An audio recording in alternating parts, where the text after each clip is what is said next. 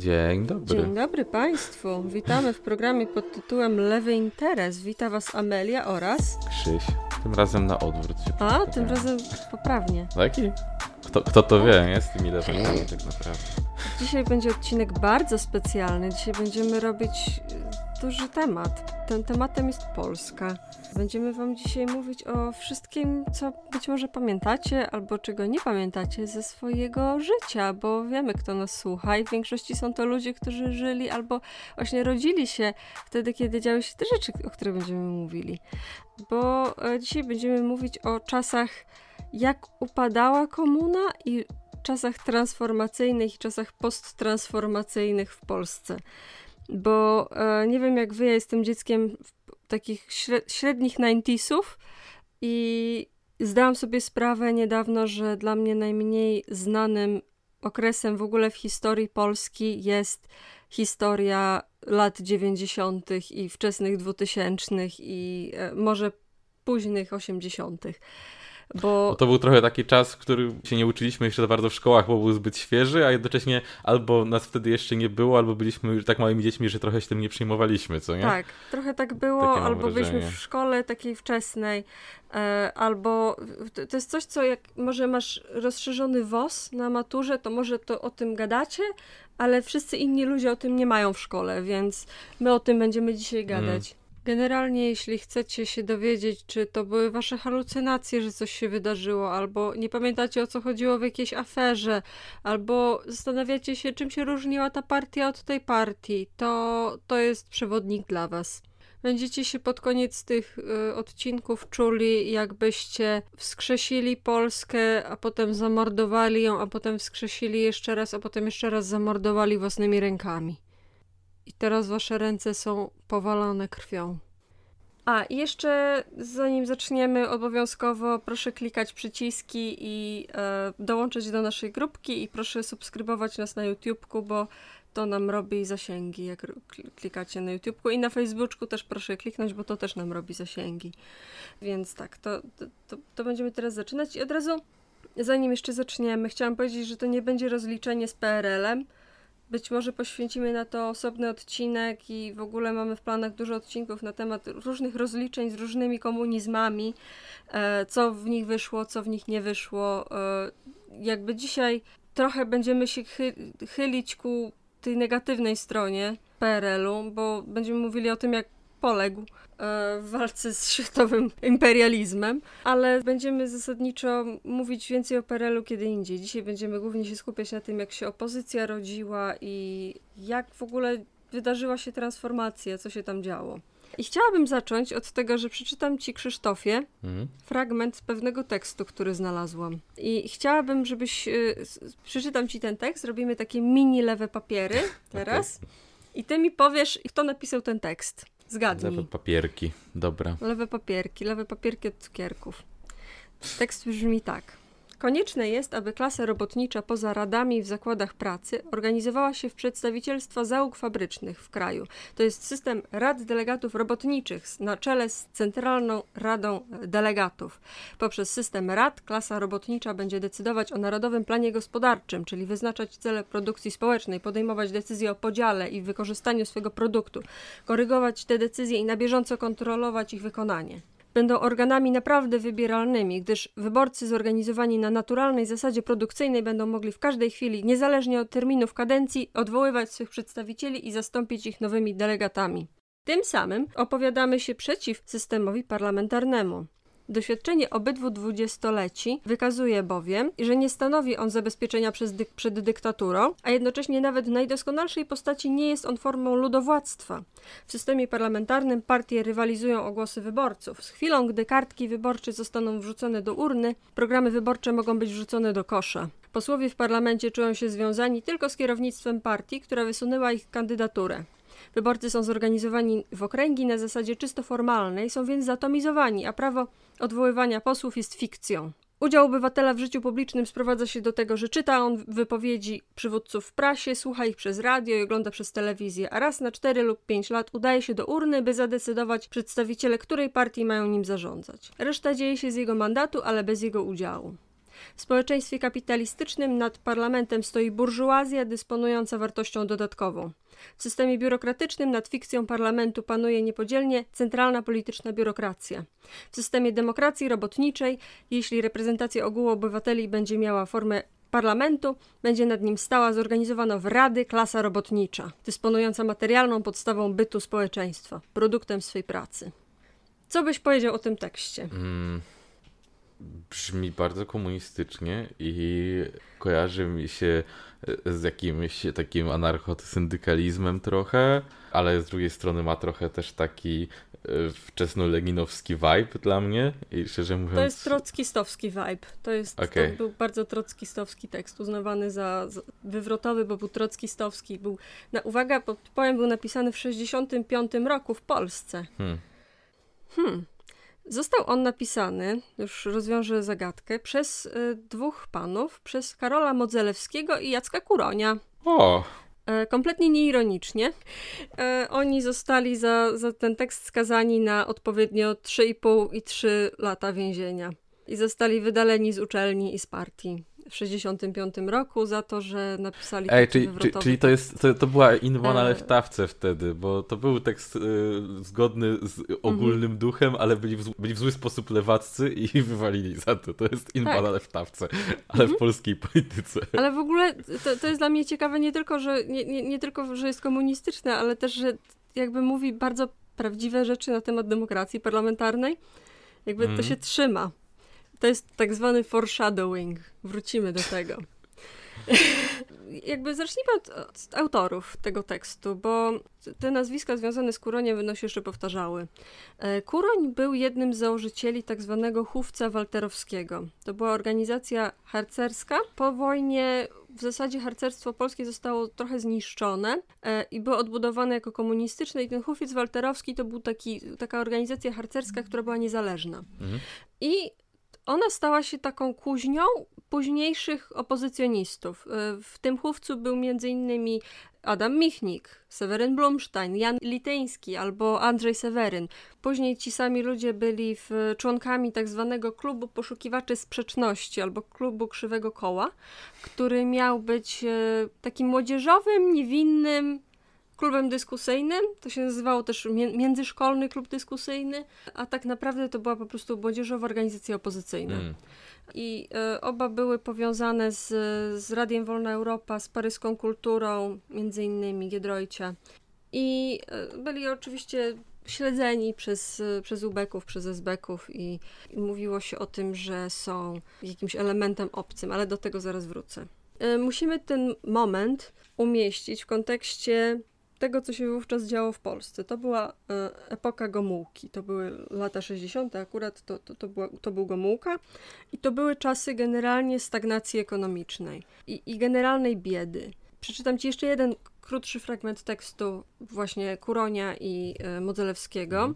Polscy fizjologowie żywienia ustalili cztery normy spożycia. Norma A, ledwo wystarczająca, niewskazana na dłuższy okres, przewiduje na osobę dorosłą, lekko pracującą fizycznie w okresie miesiąca 3 kg mięsa. Według budżetów rodzinnych GUS w 20% rodzin robotniczych spożycie mięsa nie osiąga normy ledwie wystarczającej. W granicach tej normy utrzymuje się 34% rodzin, a powyżej normy A, lecz jeszcze poniżej normy B dostatecznej spożywa 16% robotników. Spożycie warzyw, ryb, owoców, masła, jaj w rodzinach robotniczych kształtuje się na poziomie o wiele mniej korzystnym niż spożycie mięsa. Jak wynika z przeprowadzonych w 1957 roku badań nad położeniem robotników w warszawskiej fabryce motocykli, 23% rodzin badanych robotników jadło mięso na obiad raz w tygodniu lub rzadziej, zaś dalsze 25% rodzin spożywało obiad z mięsem dwa razy w tygodniu. Można by przypuszczać, że dane sprzed 7 lat są już nieaktualne, ale spożycie mięsa i przetworów na mieszkańca naszego kraju wyniosło w 1957 roku średnio 44 kg, a więc było wyższe niż w 60 roku 42 kg i niewiele niższe niż w roku 62 45,8 kg. I to jest, ten tekst jest długi i jest bardzo właśnie szczegółowy w ten sposób, że używa e, krajowych badań, który, o których nie da się powiedzieć, że są obcą propagandą, mm. ale krok po kroku udowadnia, że w kraju jest bieda i że nie, da, nie można przesadzać, mówiąc o tym, że osiągnięto jakiś humanitarny sukces. Ale to jest bardzo w ogóle taki fajny approach do, do, do tego typu jakby dyskusji, żeby takimi chłodnymi liczbami pokazać, to nie jest tak, że marudzimy, tak? To mm. dowody, że jest źle, jakby. Ciekawy tekst pod tym tak, względem. Tak, i być może kiedyś w lewych papierach cały przerobimy, bo, bo to jest cały, jakby to ma chyba 70 stron, to jest długa, długi tekst. To był list otwarty do, do partii, to się tak nazywało. Mhm. Okej, okay, jeszcze muszę jedną rzecz zaznaczyć, że kiedy mówimy o partii komunistycznej, kiedy mówimy o PZPR, to to nigdy nie była tak naprawdę jedna partia. To znaczy, tak było, jasne, że była tam ta PZPR i były to jeszcze satelickie partie, Zjednoczone Stronnictwo Ludowe, takie partia jakaś tam, socjal, coś tam. E, one były wszystkie marionetkami, to wiemy, ale też w obrębie samego PZPR-u były podziały. I e, mówiono od początku, od 56 roku, to nie od początku, no ale wcześniej, był podział na tak zwanych natolińczyków i puławian. To mówię o tym dlatego, że to jest coś, co się w zasadzie utrzymuje w społeczeństwie polskim do teraz. Że mówimy o takim, w zasadzie jakby tak popatrzeć na wszystkie nasze elity, to one się kształtują na, na tych samych liniach podziału. Bo Natolińczycy to byli konserwatywni, bardzo zacietrzewieni staliniści i antysemici, a Puławianie to byli tacy trochę li bardziej liberalni, nie, nie właśnie często pochodzenia żydowskiego, intelektualiści, którzy też byli komunistami, bo byli w partii, nie? Ale byli bardziej liberalni, byli uznawani za bardziej ugodowych i byli bardziej, mhm. jakby to były takie dwa stereotypy, że Natolińczycy to chamy, a Natolińczycy na Puławian mówili Żydy. Tak się, taka, taki był dyskurs polityczny wówczas. I oczywiście ten podział był sterowany przez, e, przez samych, samą wierchuszkę partyjną, chyba przez Moczara między innymi, e, który bardzo chciał awansować i ten podział mu bardzo pomagał, na, bo, bo szczuł jednych na drugich i super było, fajnie. Ale nie o tym dzisiaj. Między innymi w, w tym samym czasie, kiedy Kuroń i Modzelewski pisali to, co pisali, e, w w obrębie, w, w, parlamencie polskim istniały różne koła poselskie. Między innymi istniało e, koło PAX, które miało uczestniczyć w pertraktacjach między partią a kościołem. To był taki kolaborujący księża na przykład byli związani z Paxem. Było też koło poselskie Znak, które było związane z klubami inteligencji katolickiej które były już bardziej niezależne. I te kluby inteligencji katolickiej też często były właśnie siedliskami dla, dla młodzieży akademickiej, dla, dla młodych ludzi, były miejscami, gdzie można było spokojnie podyskutować. I w tym kole znak e, zasiadał innymi Tadeusz Mazowiecki. On też zaraz wróci. I w momencie, w którym mówimy, czyli w drugiej połowie lat 60., zaczęło się mówić o takim pojęciu jak komandosi, żeby było Wyobraź sobie, chcieć kogoś dojechać i nazwać komandosem. Jesteś wielkim bykiem komandosem. Mhm. I, I, to jest, to ma być obraza Ale dla kogoś. Czemu? Kom, komandosi, że, że to byli agenci Zachodu, że to byli agenci Zachodu i że, że byli zrzucani z, jak, jak żołnierze sił specjalnych. Jak ta stonka. Tak, trochę tak. I między innymi właśnie Michnik, Blumstein, Kuroń byli uznani za tych komandosów. I oni byli uznani za takich spadkobierców właśnie Puławian, tych, tego elementu rewizjonistycznego, można tak powiedzieć. Mhm. A Natolijczycy wcale nie byli bardziej twardogłowi, bo jak, jak tylko Stalin umarł, to Natolijczycy natychmiast tak, tak, Chruszczow, jasne, mhm. Bez, bezkrytycznie w zasadzie akceptowali każdy wiatr, z której strony by nie wiał. W 1967 roku wybuchła wojna sześciodniowa między Izraelem a krajami arabskimi, różną koalicją krajów arabskich. Związek Radziecki był po stronie krajów arabskich. Władze polskie uznały, że to jest świetny moment, jak mamy kryzys ekonomiczny, zwalić to na Żydów. E, zwalić to na Żydów i zrobić czystkę w partii, zrobić czystkę w ogóle w kraju, uprzykrzać Żydom życie, żeby zmusić ich do wyjazdu, żeby po prostu odwrócić uwagę od sytuacji ekonomicznej. I od razu mówię, to jakby pewnie się znajdzie ktoś w naszych komentarzach, który powie, to nie było antysemickie, to było antysyjonistyczne, to było antysemickie. Jest bardzo dobrze opisany przykład e, Aleksandra Demnera, e, pułkownika polskiego wojska, który czuł się wyłącznie Polakiem. Mówił, wy, dał takie oświadczenie, że jestem wyłącznie Polakiem. Miałam absolutnie, jestem absolutnie świeckiego pochodzenia Żydem. Dziecko wychowuję wyłącznie na Polaka. Nie mam żadnej potrzeby wyjazdu do Izraela, ani kontaktów z Izraelem i tak go wywalono i zmuszono go do wyjazdu z kraju. Bo był Żydem. I dlaczego nie, skoro możesz kogoś zrobić kozłem ofiarnym? Wtedy się zaczęły te, te, te legendarne kolejki, braki zaopatrzeniu, podwyżki cen. Też pewnie się znajdzie ktoś, kto, ja co jakiś czas to widzę, to słyszę od bardzo młodych ludzi, młodszych od siebie, że, że słyszę takie, że jasne były kolejki, ale na końcu dostawałeś coś za darmo. Jakie za darmo? Były normalnie ceny w, i, i, zazwyczaj, kiedy były, jakby to jest motyw, który się będzie tutaj powtarzał, że zazwyczaj jak były jakieś rozruchy społeczne, to nie, nie chodziło o żadną tak naprawdę odległą, odległą politykę, czy o, o nie, bo my nie mamy demokracji, czy coś takiego, tylko po prostu chodziło o to, że mięso drożało i ludzi nie było na to stać. W listopadzie 67 roku były strajki na 3000 osób spowodowane podwyżkami cen mięsa i Gomułka, to jest wypowiedź cytowana przez naprawdę dużo różnych źródeł, powiedział: Nie rozumiem, czemu się tak oburzacie. Mięso podrożało, ale i was i tak nie stać na mięso. Powiedział to do robotników. Czaisz takie, to. Takie trochę wyższy poziom nawet niż niech jedzą ciastka w sumie. Tak, trochę tak. Znaczy on był, trzeba mu przyznać, że on też żył bardzo skromnie, tak? To, to, on był ideowym komunistą i on też uważał, jakby on by, dzisiaj pewnie by powiedział, to jedzcie, to bądźcie weganami, czy coś w tym stylu. Mhm. Jasne, że pewnie ci ludzie mogli jeść, nie wiem, rośliny strączkowe i pozyskiwać białko w ten sposób, ale nie myślano wtedy w ten sposób o e, żywieniu. Przede wszystkim to nie jest po prostu rozwiązanie problemu, tak? No to nie. jest y, takie.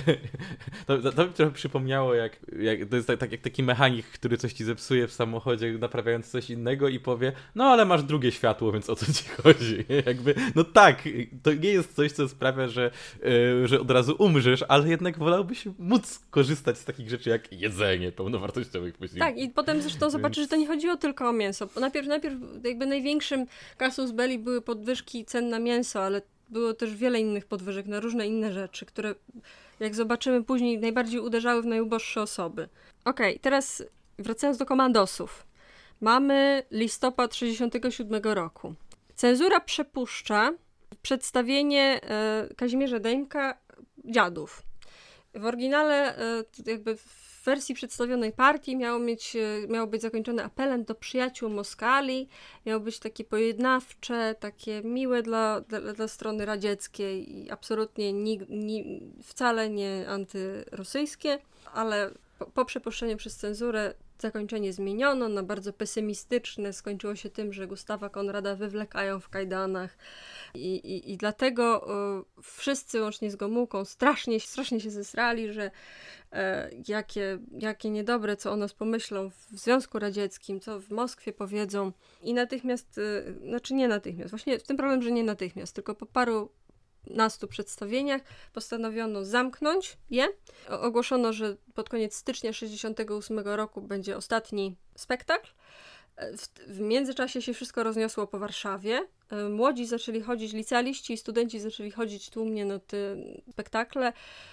Pod koniec zawsze były okrzyki, precz z cenzurą, wolność, takie tam. Jednym z organizatorów tych, e, jednymi z organizatorów e, tych protestów był właśnie Michnik, e, Henryk Schleifer, który później był też opozycjonistą, Seweryn Blumstein i Jan Liteński, którzy później będą wszyscy jakoś związani z polityką. I 8 marca zostają aresztowani. Wcześniej jeszcze Michnika aresztowano. Zostają wywleczeni z domu, wybuchają protesty. W Warszawie protesty studenckie, protesty, protesty młodzieży. E, Emo i Ormo je bardzo brutalnie pacyfikuje, aresztuje masę ludzi. W odpowiedzi wybuchają strajki okupacyjne w całym kraju. Strajki najpierw na uczelniach, a później też w zakładach pracy i protesty. Generalnie bardzo eskaluje to do takiego narodowego konfliktu. E, no i są te oczywiście te, te słynne e, hasła, studenci do nauki, pisarze do piór, bo, bo, bo literaci, Związek Literatów Polskich też złożył e, w protest przeciwko temu. Też wybucha kolejna faza, jakby jeszcze, jeszcze zostaje zintensyfikowany antysemityzm w Polsce, bo jak pewnie się domyśliliście, dużo osób, które było związane z, właśnie z, z ruchem opozycyjnym było pochodzenia żydowskiego. Posłowie znaku, posłowie koła znak, e, którzy byli po, powiedzmy liberalni, ale byli nadal bardzo tacy powiedzmy centrowi, pomiędzy opozycją a, a partią. I, I, ci posłowie składają interpelację, która ma bronić osób, które były pokrzywdzone przez Ormo i i milicję, ale wszyscy inni ich zakrzykują, obrażają w ogóle, jakby wielokrotnie czytając właśnie o, ty, o, o tych sprawach, podkreślane jest, jak chamscy byli ci ludzie.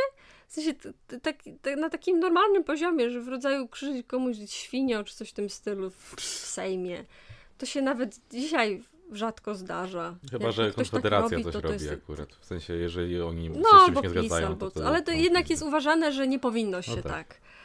Jednak się uważa, że lepiej nie, ale wtedy to było normalne. E, Okej, okay. jeszcze w międzyczasie była inwazja na Czechosłowację, ale nie o tym dzisiaj. To kiedy indziej. Ale ważne jest to dla nas, że inwazja na Czechosłowację była droga.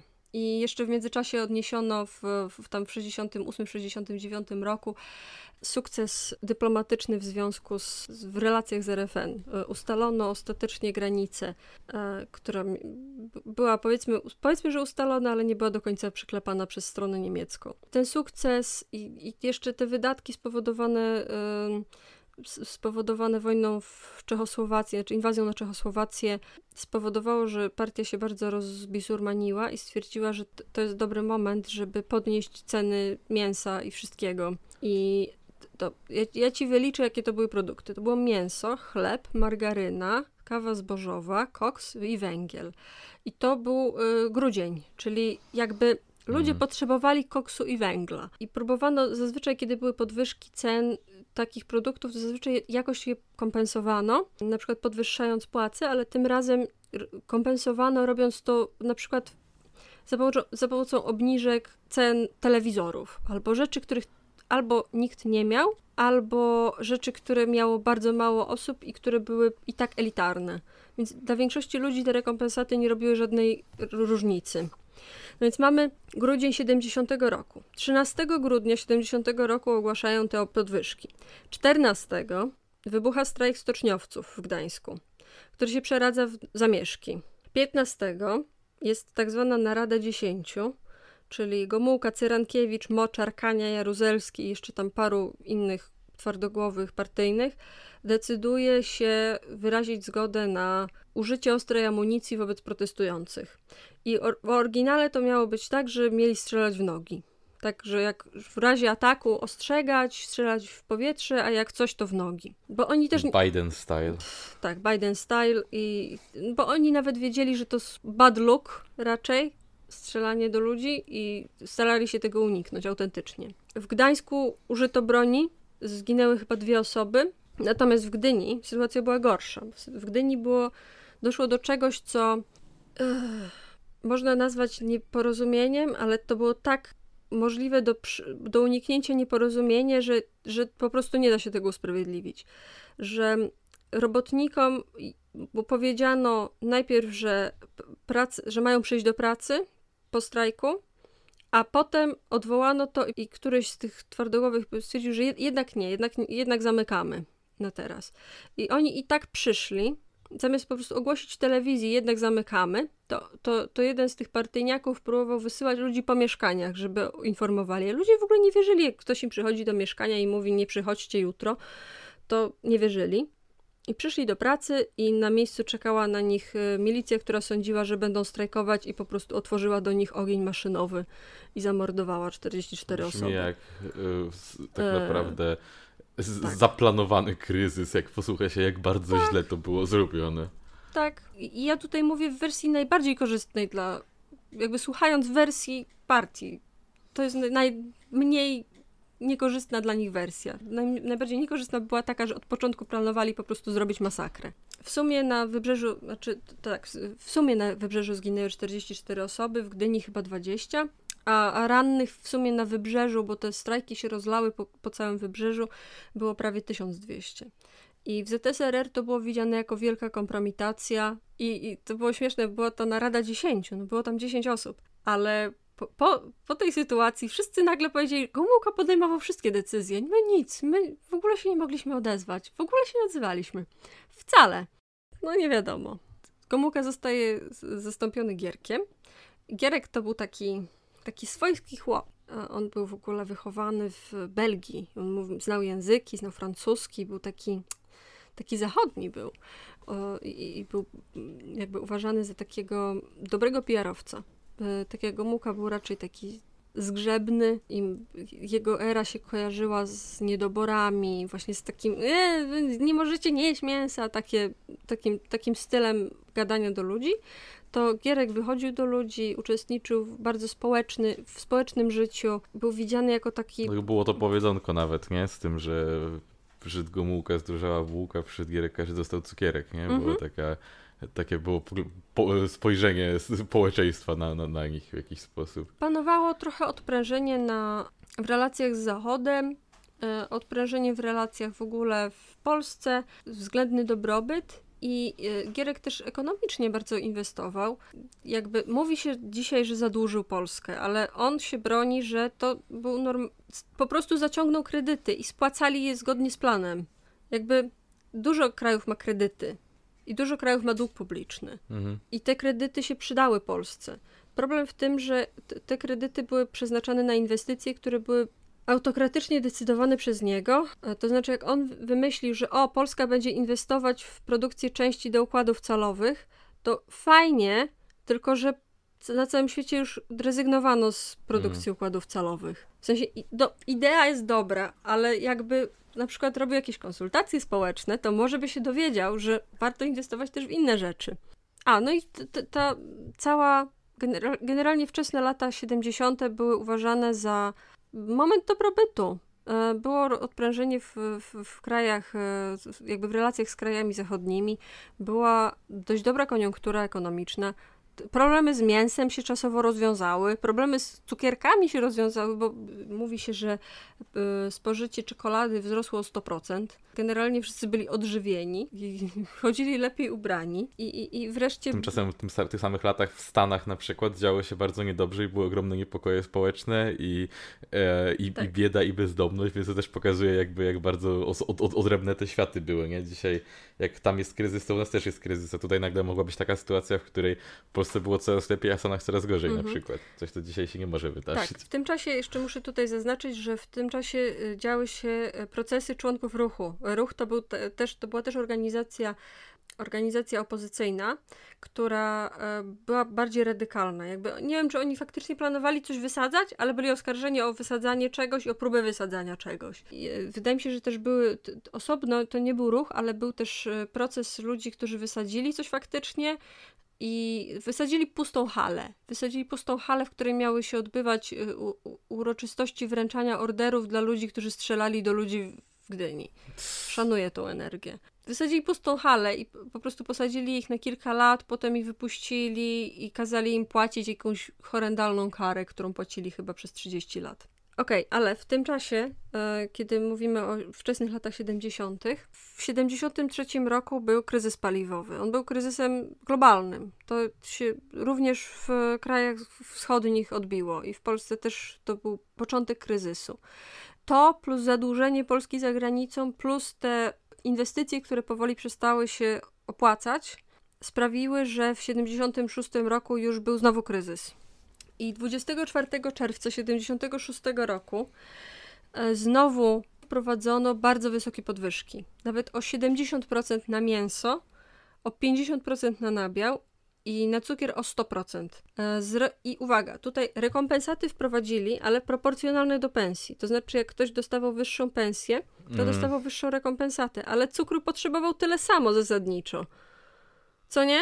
To sprawiło, że e, osoby najuboższe dostały po prostu po dupie Jak najbardziej. zawsze w takich sytuacjach, nie? E, w sierpniu tego sam, tak, w sierpniu wprowadzono kartki na cukier i od razu tutaj chcę powiedzieć, że te kartki to było paradoksalnie kartki to była popularna decyzja. Kartki, bo kartki były, każdy dostawał jedną kartkę. Czy, znaczy w praktyce oczywiście się okazywało później, że partia dostawała więcej, ale to było uznawane, że, że, że jak kartki to, to jest coś bardziej, bardziej, bardziej równościowego niż, niż takie rekompensaty. Później zobaczycie, że je, jednym z postulatów sierpnia 80 było właśnie wprowadzenie kartek na mięso. To była rzecz, którą chcieli zrobić, która była preferowana do nieustannych podwyżek i nieustannych głupich rekompensat. Ok, czyli ogłosili te, te podwyżki. Następnego dnia w Radomiu zaczęły się strajki. E, zaczęły się strajki i zaczęły się tak e, dość brutalnie, bo zaczęli od razu, od razu stwierdzili, że idą do siedziby partii i wleźli do siedziby partii siłą e, robotnicy z zakładów metalowych i zobaczyli, że w bufecie partyjnym są wędliny. I się tak wkurwili, że zrobili Jezus. zamieszki. E, I ZOMO ich, ZOMO ich masakrycznie spacyfikowało. I w tym samym czasie się też e, z tego samego powodu niezależnie zaczęły protesty w Płocku i w Ursusie pod Warszawą. Też zostały brutalnie stłamszone e, i też miały wspaniałą energię. Na przykład w Ursusie rozwiercano tory kolejowe, żeby zatrzymać kolej e, na znak protestu. Ja tą mhm. energię szanuję. I 18 lipca 76 roku Jacek Kuroń przekazał informacje o tym, co się dzieje w Polsce włoskiej partii komunistycznej. Włoska partia komunistyczna, jakby, może nie wiecie, Włochy były generalnie zachodnie, ale były bardzo sprzyjające e, komunizmowi. Był uważany za taki neutralny kraj, był trochę przedmiotem walk w ciągu e, jakby ca całej zimnej wojny. Trochę tak się kiwał z jednej strony na drugą. Dlatego we Włoszech partia komunistyczna była bardzo mocna i mogli faktycznie coś osiągnąć na zachodzie. I Kuroń poprosił ich o wsparcie, podał im taki list, wsparli go m.in. Stanisław Barańczak, Jan Józef Lipski. Później, um, właśnie mówimy o 76 roku, w mm, w tym samym roku ruszyły protest, procesy osób protestujących w tych protestach i e, obserwowali je m.in. Ludwik Dorn, Kuroniowie, Henryk Wujec. To jest ten Henryk Wujec, który niedawno zmarł. E, znaczy, teraz niedawno zmarł. Wtedy, nie że wcześniej wtedy, tylko teraz, w 2020 roku. um, tak, i na, na, przykład Jan Olszewski i Władysław Siła-Nowicki to byli dwaj prawnicy, którzy byli obrońcami e, oskarżonych. I właśnie w, zaraz po tym, jak ruszyły te procesy, 20, 23 września 1976 roku e, powołano Komitet Obrony Robotników, czyli słynny KOR. I było, było chyba 15 w sumie mm, sygnatariuszy, ich oświadczenia m.in. Jan Józef Lipski, Jacek Kura i Antoni Macierewicz. To jest najlepszy który też został w tym wszystkim. Tak, Antoni Macierewicz. Niewiarygodne. Incredible how the turntables.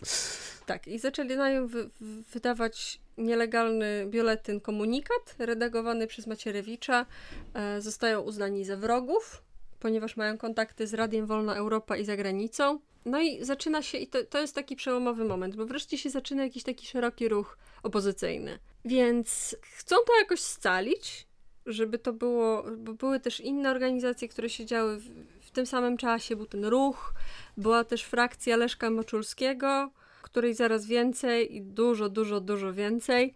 I Józef Rybicki próbował połączyć KOR i te wszystkie frakcje w coś, co chciał nazwać Komitet Obrony Praw Człowieka i Obywatela, KOPCIO, ale Czuma, ten od ruchu, i, i Moczulski nie chcą mieć w swoich szeregach lewicy postrewicjonistycznej.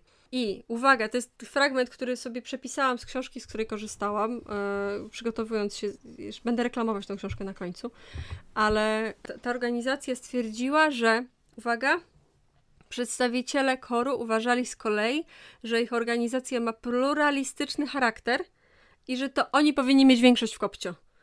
Pluralistyczny, ale oni powinni mieć większość. No bo są tacy pluralistyczni, no to wiesz, się za, za, zasłużyli sobie nie? Na, na mo monopol władzy. I Moczulski nie chce gadać z rewizjonistami, a rewizjoniści to są korowcy, bo korowcy mają w, w jakimś swoim ruchu jakieś postpartyjne, jakieś postpartyjne osoby, albo po prostu y, na przykład y, z chorem współpracowali posłowie znaku. Nie, to, o, że komuniści ze znaku, bo to, to Moczulski, który, Leszek Moczulski, który w ogóle jeszcze żyje, e, nie chciał z nimi gadać i zakłada osobno nurt niepodległościowy, a potem ruch obrony praw człowieka i obywatela, czyli ROPCIO, i to była, patrząc dalej na jego poglądy, mógłbyś pomyśleć, bo to jest ten ziomek, który założył później e, KPN. Konfederacja Polski Niepodległej? Konfederacja, Konfederacja Polski Niepodległej. Konfedera brzmi jak coś endeckiego, albo przynajmniej prawicowego, i pod pewnymi względami tak było, ale on jest fanboyem Piłsudskiego. On do dzisiaj jest fanboyem Piłsudskiego i do dzisiaj jak go poprosisz, żeby, nie wiem, coś otworzył japę na ten temat, to ci powie, że Beryza Kartuska to były iluzje wibracji ego Lenina. I struktury ego. Stru, struktury ego Lenina i nie wydarzyło się to i wszystko, co robił Piłsudski jest zajebiste. Ale to, to swoją drogą. To do tego jeszcze wrócimy. ludzie to się w kolejce ustawiali, żeby do Berezy wyjechać. Tam, tak. tam się świetnie bawili tak naprawdę. To właściwie tak, był taki było, obóz wypoczynkowy. Dawali ci pięciodaniowy posiłek. Więc okej, okay, mamy Robcio. W ciągu paru miesięcy Robcio łamie się na frakcję. Biedny Robcio. Czumy, frakcji Moczulskiego. Biedny Robcio. Ruch Młodej Polski, Komitet Porozumienia na Rzecz Samostanowienia Narodu, Związek Narodowy Katolików i różne inne planktony. To jest znowu foreshadowing. E, 7 maja, o nie, to już nie jest śmieszne. 7 maja zamordowali Stanisława Pejasa, e, młodego studenta, który był związany z, z opozycją. Później się okazało, że jego kumpel na niego donosił.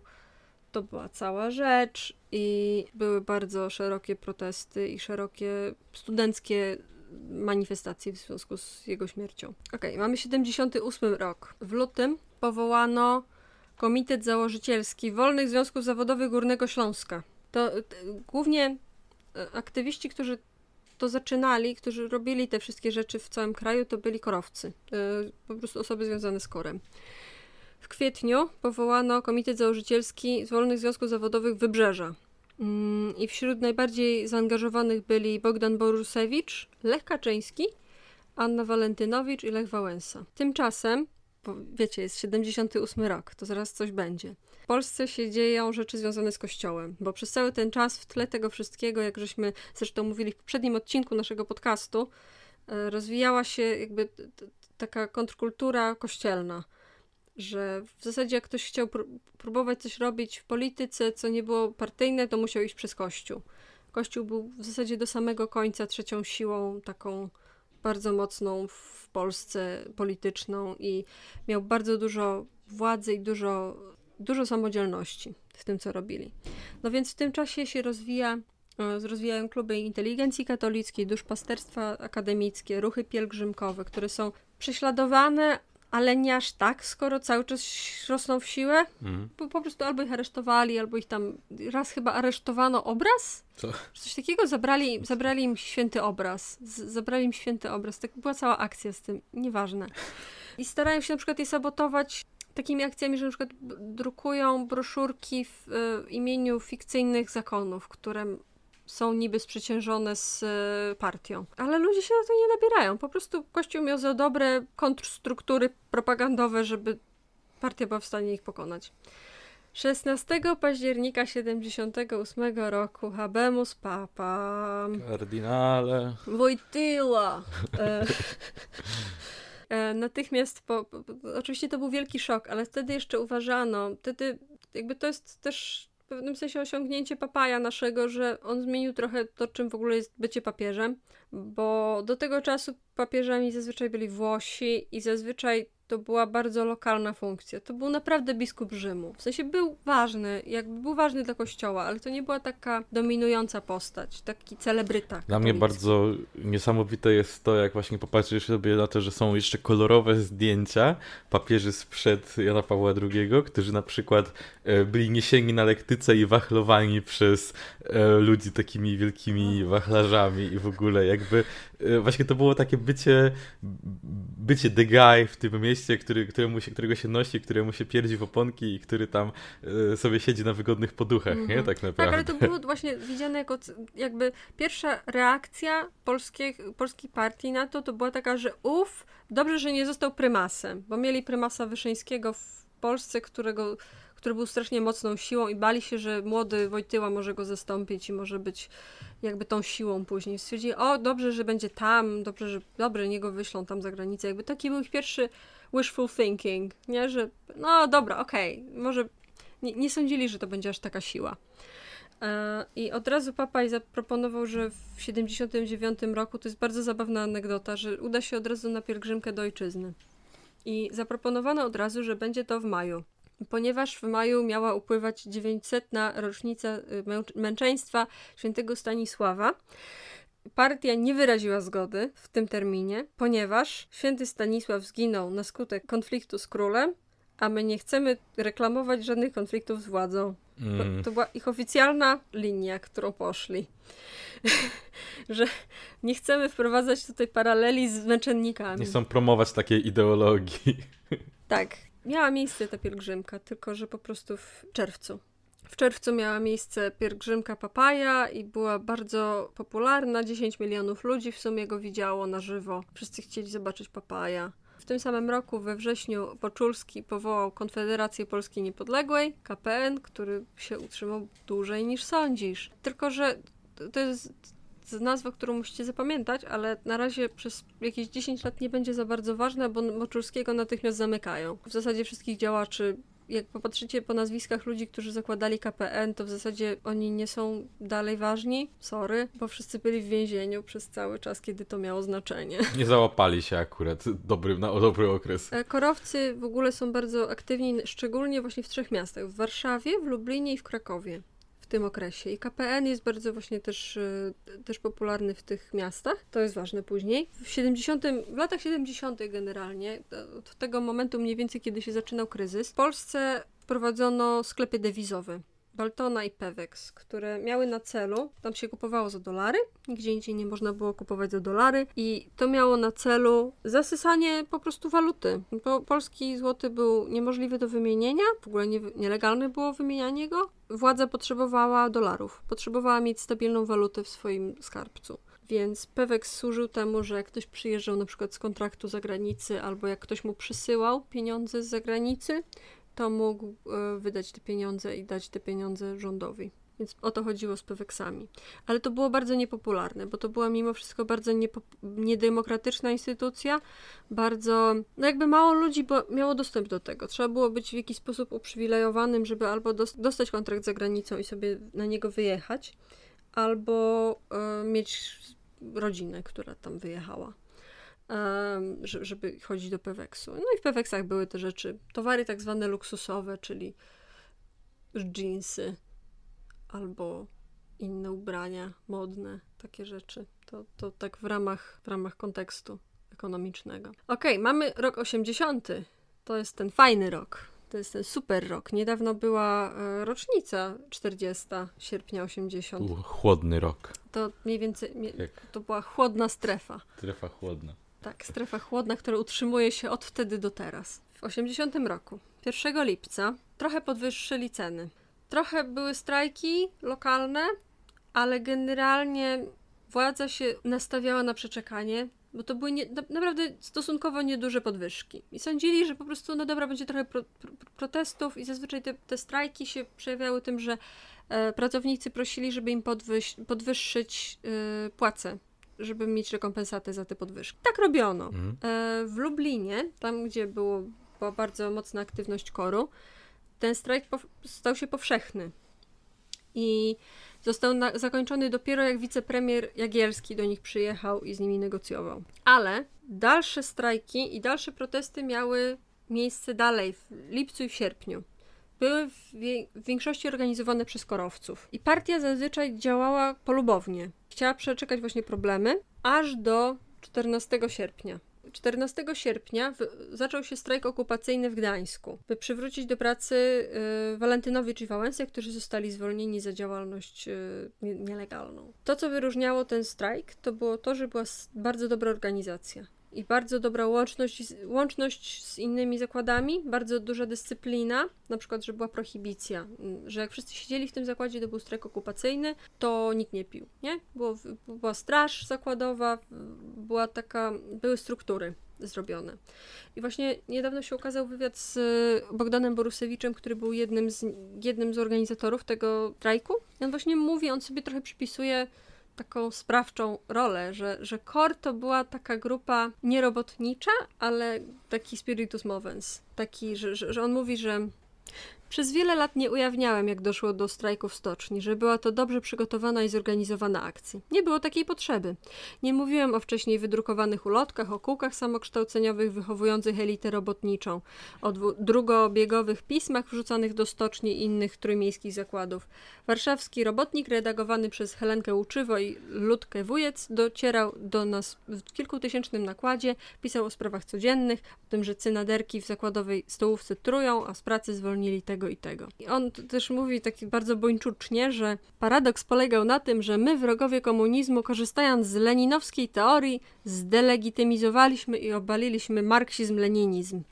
Bo byli awangardą. Czaisz? Bo byli awangardą. A, nie, fajnie. Był ten strajk i na drugi dzień dyrekcja zakładu się zgodziła i uznała, dobra, przywracamy Walentynowi czy Wałęsę. I Wałęsa wyszedł i, i, powiedział, że dobra, strajk skończony, na co natychmiast przyszła, przyszły, przyszło info z innych delegacji pozostałych zakładów, które w którym mieście też strajkowały że ej, a naszych nie spełnili jeszcze, więc czemu kończymy? I, i, i natychmiast z, z, powrotem zagoniono tych ludzi, którzy już szli do domu, że jednak zostajemy, jednak strajk będzie dłużej. W nocy z 16 na 17 sierpnia powstaje tak zwany Międzyzakładowy Komitet Strajkowy, który opracowuje 21 postulatów.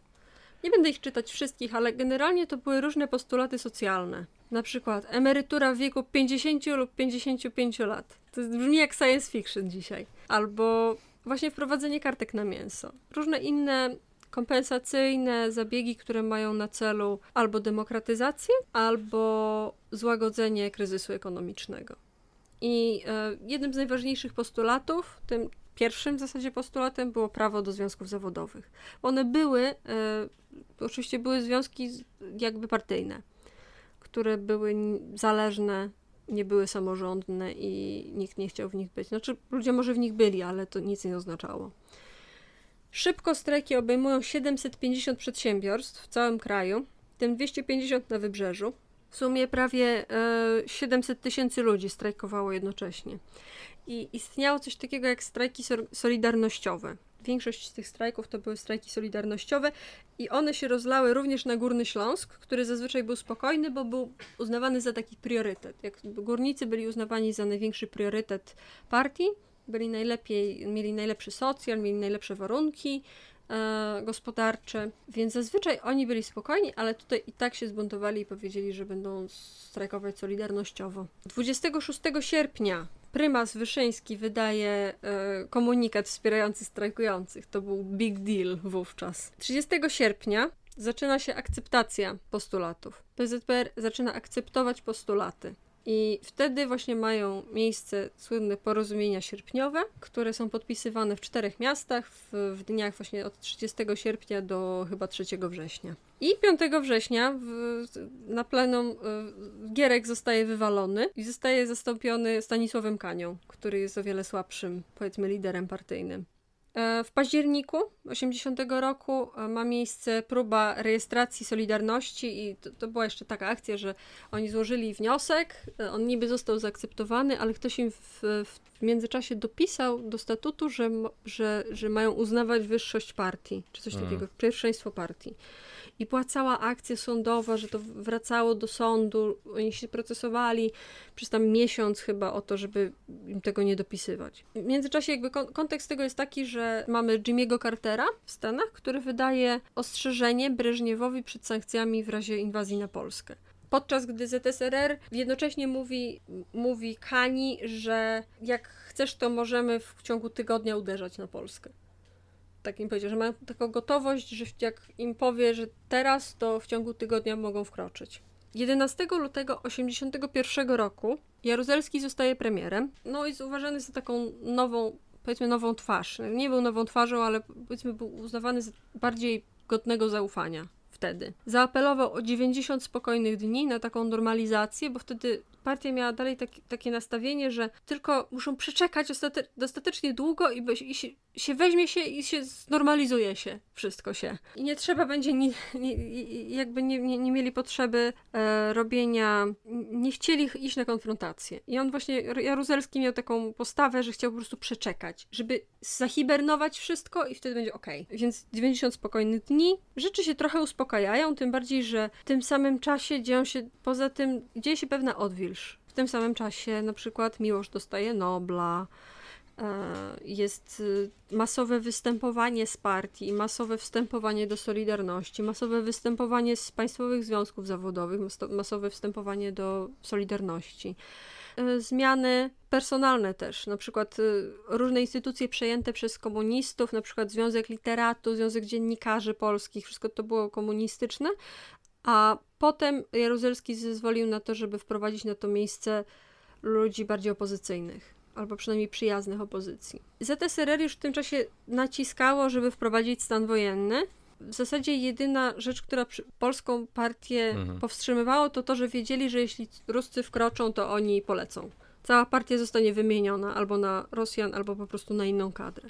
Z instynkt samozachowawczy ich powstrzymywał. Swoją drogą jest coś takiego wręcz ironicznego moim zdaniem w tym, jak bardzo te zachowania ZSRR przypominają mi, mo, mo, może, może to nie jest do końca prawdziwy y, jakby ogląd tej sytuacji, ale mam takie wrażenie, że jest ogromny taki podobieństwo do tego, jak Stany traktowały na przykład kraje Ameryki Środkowej. Na zasadzie Mm, E, tak, tak, macie swoją władzę, ale macie nasze struktury, nasze instytucje, a jak nam coś się nie spodoba, to przyjdziemy do was z czołgami i wtedy zmienicie zdanie i posadzimy kogo trzeba, jakby jako taka st- stała umowa odnośnie pozornej samodzielności kraju. I w sumie zabawne, że dwa kraje będące tak niby skrajnie ideologicznie odmienne miały bardzo wspólny tutaj mechanizm działania Mm. w kwestii swojej strefy wpływów. W tym samym czasie Jaruzelski koncentruje władzę, bo Kanie wszyscy uznają za słabego. Jakby nikt nie wierzy, że Kania będzie w stanie zrobić to, co ma zrobić w momencie, w którym ma to zrobić. Że jeśli będzie trzeba, to on nie zrobi to, co będzie trzeba. Nie, nie zrobi tego.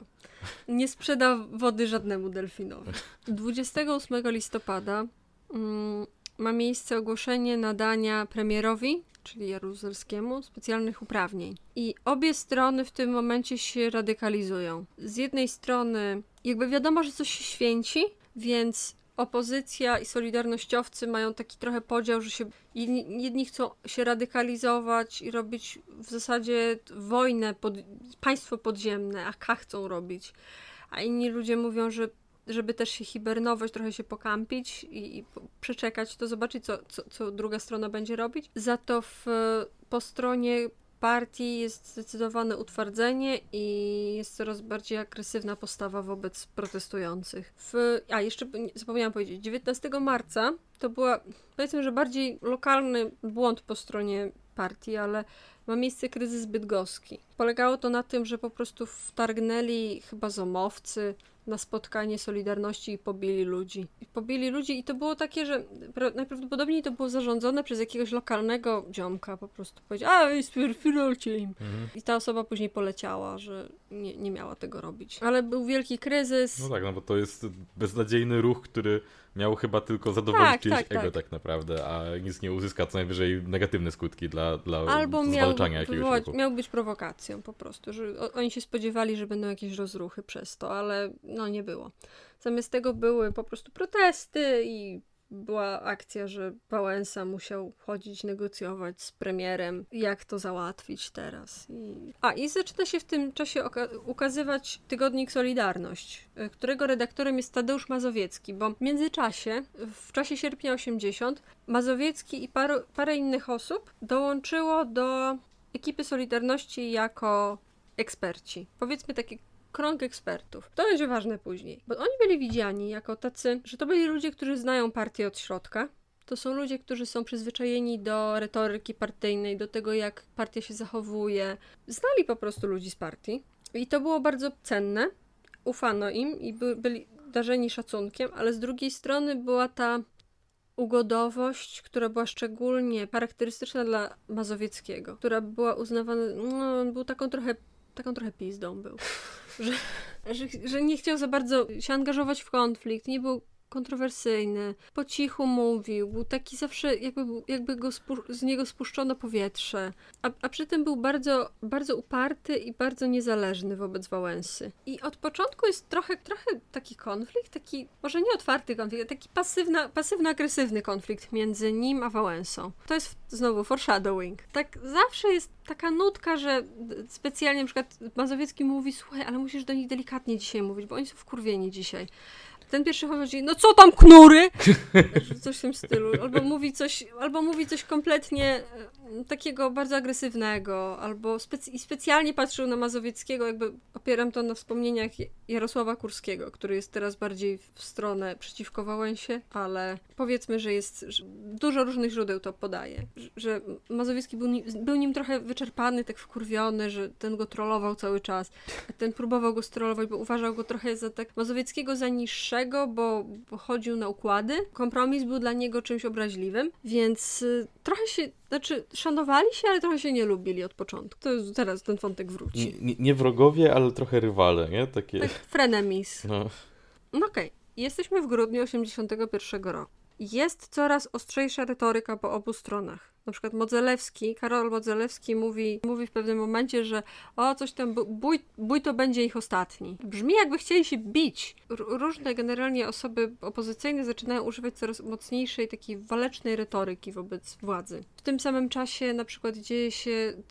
dzieje się tak, że telewizje emitują śmierdziuchy na temat solidarnościowców, czyli takie materiały kompromitujące, ale też wymyślone najczęściej. Jak to, co teraz robi TVP na przykład o, o opozycjonistach czasami? Tak, ale też takie, bardziej wiesz, zdecydowanie pomówienia. w wiadomościach, takie, że już na 100% opowiadasz... przegrali w sądzie. Mhm. 2 grudnia, to uwaga, to jest duży, duża rzecz, zdobyto strajkującą szkołę oficerów pożarnictwa za pomocą helikoptera i komandosów grubo i wtedy już w zasadzie było wiadomo, że coś się, kurde, się dzieje. Wałęsa ogłosił pogotowie we wszystkich regionach, to jest taka ciekawa bardziej anegdotka, ale w jedynym oddziałem, który zachował pieniądze, które nie zostały skonfiskowane w czasie stanu wojennego, e, to był oddział we Wrocławiu, który po prostu schował te pieniądze u kardynała w piwnicy, czy gdzieś tam w walizce u, u Gulbinowicza po prostu siedziały te pieniądze w walizce, on jeszcze wpadł na to, żeby je przewalutować nielegalnie na dolary, żeby się nie, żeby nie podlegały inflacji.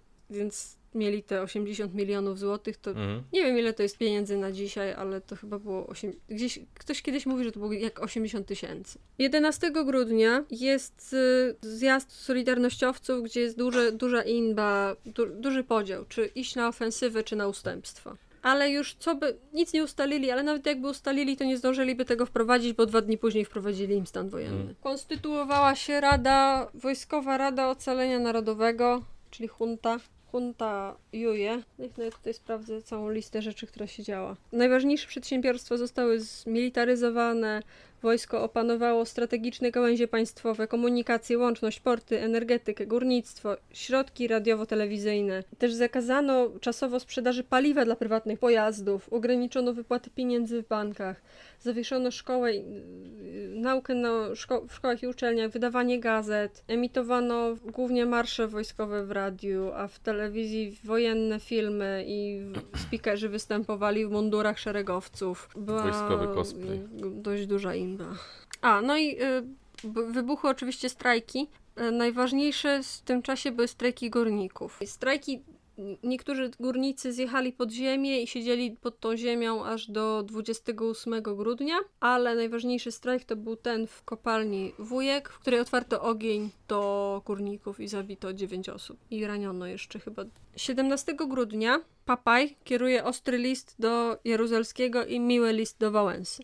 Do Jaruzelskiego, że ma natychmiast przestać i że do, do Wałęsy, że ma napierdalać. I can be your angel or your devil. 23 grudnia Reagan robi sankcje wobec Polski, a potem jeszcze je rozszerza na ZSRR, ale generalnie reakcja Zachodu jest stonowana. W sensie nie są tak wkurwieni, jak mogliby być, bo oni trochę podchwytują tą retorykę naszej partii, że to jest mniejsze zło. Mhm. Że lepsze to niż inwazja. No i w czasie całego stanu wojennego internowano 10 tysięcy osób w sumie, w tym Wałęsę, Bartoszewskiego, Geremka, Kaczyńskiego, Komorowskiego, Kuronia, Michnika, Onyszkiewicza, Cywińską, Mazowieckiego, ale też na przykład Gierka i byłego premiera Jaroszewicza bo nie ufali byłym partyjniakom, tak samo jak nie ufali opozy opozycji.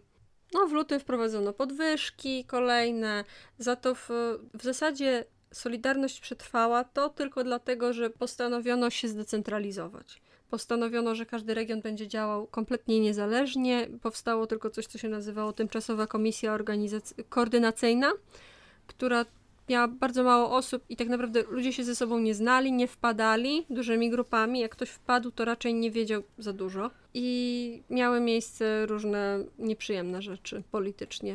Na przykład w czerwcu miały miejsce bardziej ostre demonstracje w ramach tzw. Tak Solidarności Walczącej, którą organizował Kornel Morawiecki i jego frakcja była zwolennikami bardziej radykalnej walki. W tym samym czasie Polacy mieli, powiedzmy, że powód do radości, mieli dobre wyniki w futbolu, zajęli trzecie miejsce w Pucharze Świata. Ale Jej. fajnie. Jej. Sukces. Tak. W sierpniu 82 zrobiono nielegalne demo na, na rocznice sierpniowe. 250 tysięcy ludzi maszerowało, dużo ludzi spacyfikowano i w sumie chyba 5 osób zginęło. 8 y, października 82 roku Sejm zlikwidował ostatecznie związki zawodowe niezależne. Niedługo później umiera Breżniew, co jest dobrą okazją dla polskiej partii, bo korzystają z tego, że w tym momencie w, w ZSRR jest trochę zamieszanie i partia się zajmuje bardziej zastępowaniem Breżniewa i trochę z, zajmuje się Afganistanem, bo cały czas w tle tego się dzieje konflikt o Afganistan.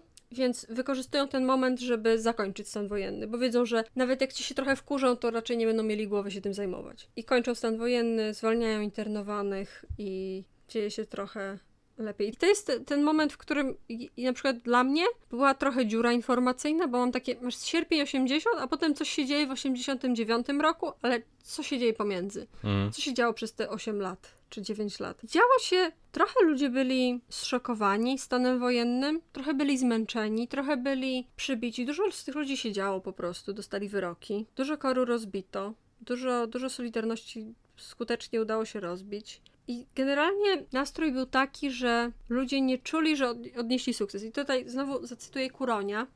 W 1987 roku, ten rok w ogóle był nazywany tak zwanym Wielkim Patem, że nikt nie chciał się ruszyć wszyscy byli trochę, zarówno partia, jak i opozycja by, była trochę pasywna, taka apatyczna. Wszyscy byli tacy apatyczni. Kuroń mówił wtedy tygodnikowi Mazowsze: Społeczeństwo ma poczucie, że poniosło klęskę i nie wierzy, że cokolwiek można zrobić. Nie widzi sukcesu, jaki odniosło, nie widzi szans. Taka była generalna atmosfera przez te kilka lat. Dużo, dużo represji, na przykład w, tym, w tych latach zabito popiełuszkę, dużo chaosu i dużo takiego życia od miesiąca do miesiąca, że na przykład opozycjoniści, którzy e, normalnie działali bardzo dużo, musieli działać trochę z doskoku. Te struktury były, były bardzo często łamane. I wtedy zaczyna się mówić o bardziej idei kompromisu. Ci opozycjoniści, którzy dotychczas są bezkompromisowi i uważają kompromis za upokorzenie, zaczynają nagle go rozważać. Na przykład Michnik zaczyna pisać o konieczności kompromisu. Wałęsa zaczyna się powoli godzić na kompromis, na rozmowy.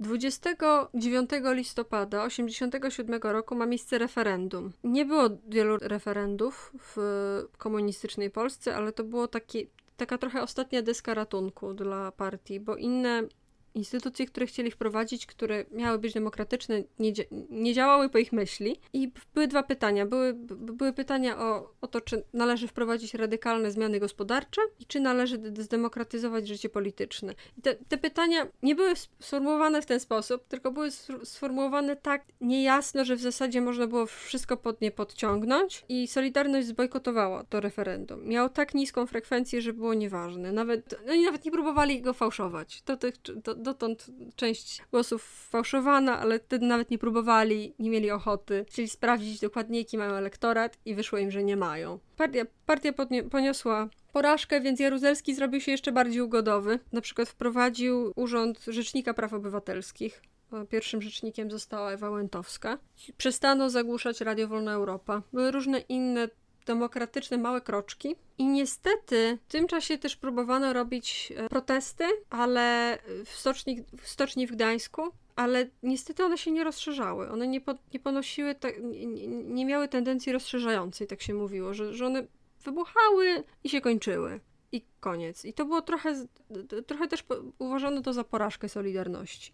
Ale latem znowu zaczęła się fala protestów i strajków. Po podnoszono głównie kwestię legalizacji związków zawodowych, legal legalizację Solidarności. W tym czasie zaczęto negocjacje między Jaruzelskim, Wałęsą i Glempem, czyli e, przedstawicielem kościoła. 31 sierpnia 1988 roku ma miejsce pierwsze z wielu spotkań w willi MSW w Magdalence między Wałęsą, Kiszczakiem, Cioskiem i biskupem Dąbrowskim. W zasadzie w tym momencie za, za, zaczynają się negocjacje Okrągłego Stołu. W grudniu 1988 roku Sejm, jeszcze komunistyczny, przepuszcza pakiet ustaw liberalizujących gospodarkę. Między innymi zezwala na zakładanie własnych przedsiębiorstw już w wolny sposób, bo, bo wcześniej było tak, że jedyne osoby, które były zatrudnione, ale nie w publicznych przedsiębiorstwach, powiedzmy, albo w budżetówce, to byli rolnicy i czasem się zdarzało, że zdaje mi się, że, że spółdzielnie czasem działały albo mali prywaciarze na bardzo, małej, na bardzo małą skalę mogli. I w tym samym czasie dzieją się reformy Gorbaczowa, więc y, też nie ma powodu, żeby polska partia komunistyczna się mhm. radykalizowała, jak wszystkie inne się deradykalizują. 30 listopada 1988 roku ma miejsce debata telewizyjna między y, przewodniczącym OPZZ, czyli tych, tych normalnych związków rządowych, a Wałęsą, który powtarza... I, i Miodowicz y, się bardzo bardzo skompromitował w tej debacie, bo tylko powtarzał jakieś takie anachroniczne rzeczy w rodzaju jeden zakład, jeden związek, jeden zakład, jeden związek, a Wałęsa był dobrze przygotowany i charyzmatyczny, dobrze gadał i wygrał w cuglach. Zaorał, zaorał go. go. I nawet go tak zaorał, że Jaruzelski potem pisał, że to był wielki szok dla samej partii, bo sama partia wierzyła w swoją propagandę, że on jest przygłupem. I jak usłyszeli, że on gada z sensem, to byli w szoku, że co że co oni nam mówili dotąd? Jakby ci ludzie, którzy nam kłamali na jego temat, oni są zdrajcami. Mm.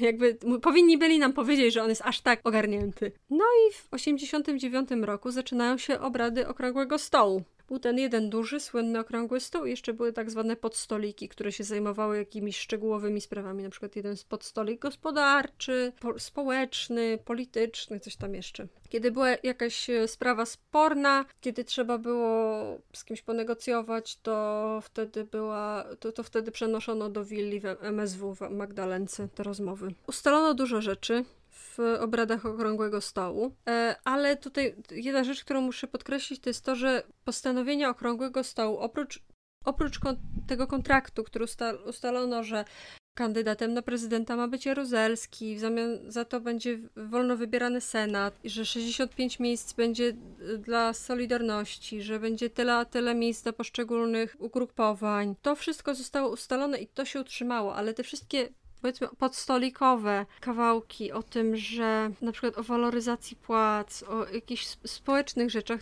to się nie utrzymało, bo to było bardziej, te wszystkie stoliki pracowały tylko na zasadzie, o, ale fajnie, że jesteśmy przy jednym stoliku i pracujemy razem nad czymś, a nie nad tym, żeby faktycznie uchwalić coś, co będzie obowiązywało w kraju jakby uważano, że sa samo to, że siedzą razem i coś sobie tam razem piszą, to jest, to jest już sukces i to było bardziej symboliczne w tej sytuacji. Więc ustalono, że e, najbliższe wybory będą, że będą, mandaty będą przydzielane w taki sposób, że 173 mandaty będą dla PZPR-u, 76 dla Zjednoczonego Stronnictwa Ludowego, 27 dla Stronnictwa Demokratycznego, czyli to wszystko są te satelickie partie, powiedzmy.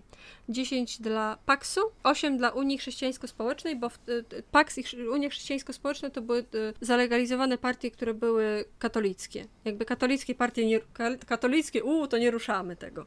I 5 dla Polskiego Związku Katolicko-Społecznego, a 161 było dla tak zwanych bezpartyjnych. Solidarność to byli ci bezpartyjni. Na początku chciano robić, żeby to, to, jeszcze dzielić, że ileś tam będzie dla jakiegoś ugrupowania w obrębie Solidarności, ale potem zrobili, że dobra, dajmy ich wszystkich na jedną listę bezpartyjną. W taki sposób reklamowano wybory, że po prostu głosujesz na naszych.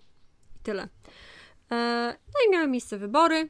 Git. Wszystkie miejsca, które były dla bezpartyjnych, zostały zapełnione przez naszych. Solidarność wygrywa te wszystkie mandaty. Zaczyna się, jest wielki wiwat, fajnie, fajnie, fajnie. 17 lipca zaczyna się Zgromadzenie Narodowe, które wybiera Jaruzelskiego na prezydenta. Jedna ważna rzecz jest taka, że Polska, nie, może nie wiecie, ale Polska nie miała przed II wojną światową wyborów prezydenckich. Miała wybory parlamentarne, a potem posłowie wybierali prezydenta i rząd. Ale to rząd to zawsze. Ale, więc wybrano Jaruzelskiego, a on desygnował Kiszczaka na premiera, ale on sobie nie radził i w zasadzie od razu zrezygnował z tej, w zasadzie od razu zrezygnował z tego urzędu. I normal, zaczęła się normalna parlamentarna walka o koalicjantów, o, o, o kto znajdzie sobie koalicjantów. Jakby na początku w tym wygrywali komuniści, a potem miało miejsce coś, co miało miejsce przetasowania parlamencie, które zakończyły się tym, że, że, Wałęsa stworzył, tak naprawdę stworzył rząd. Mimo, że nie był premierem, to, to stworzył, wyznaczył Mazowieckiego na kandydata na premiera.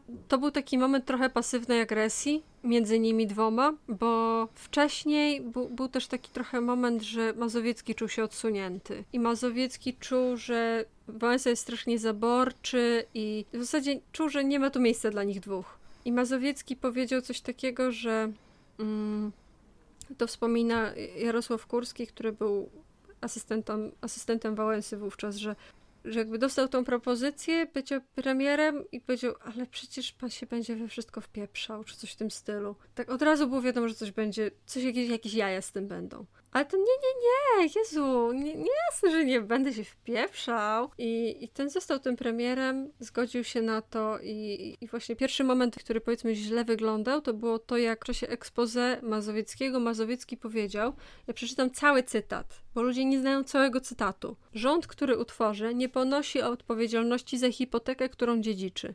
Ma jednak ona wpływ na okoliczności, w których przychodzi nam działać. Przeszłość odkreślamy grubą linią. Odpowiadać będziemy jedynie za to, co uczyniliśmy, by wydobyć Polskę z jej obecnego stanu załamania. To jest to gruba kreska. To zostało potem zinterpretowane, że będziemy działać z komunistami i nie, nie będziemy ich pociągać do odpowiedzialności za to, co robili. Odwrotnie, to my siebie odcinamy od swojej odpowiedzialności.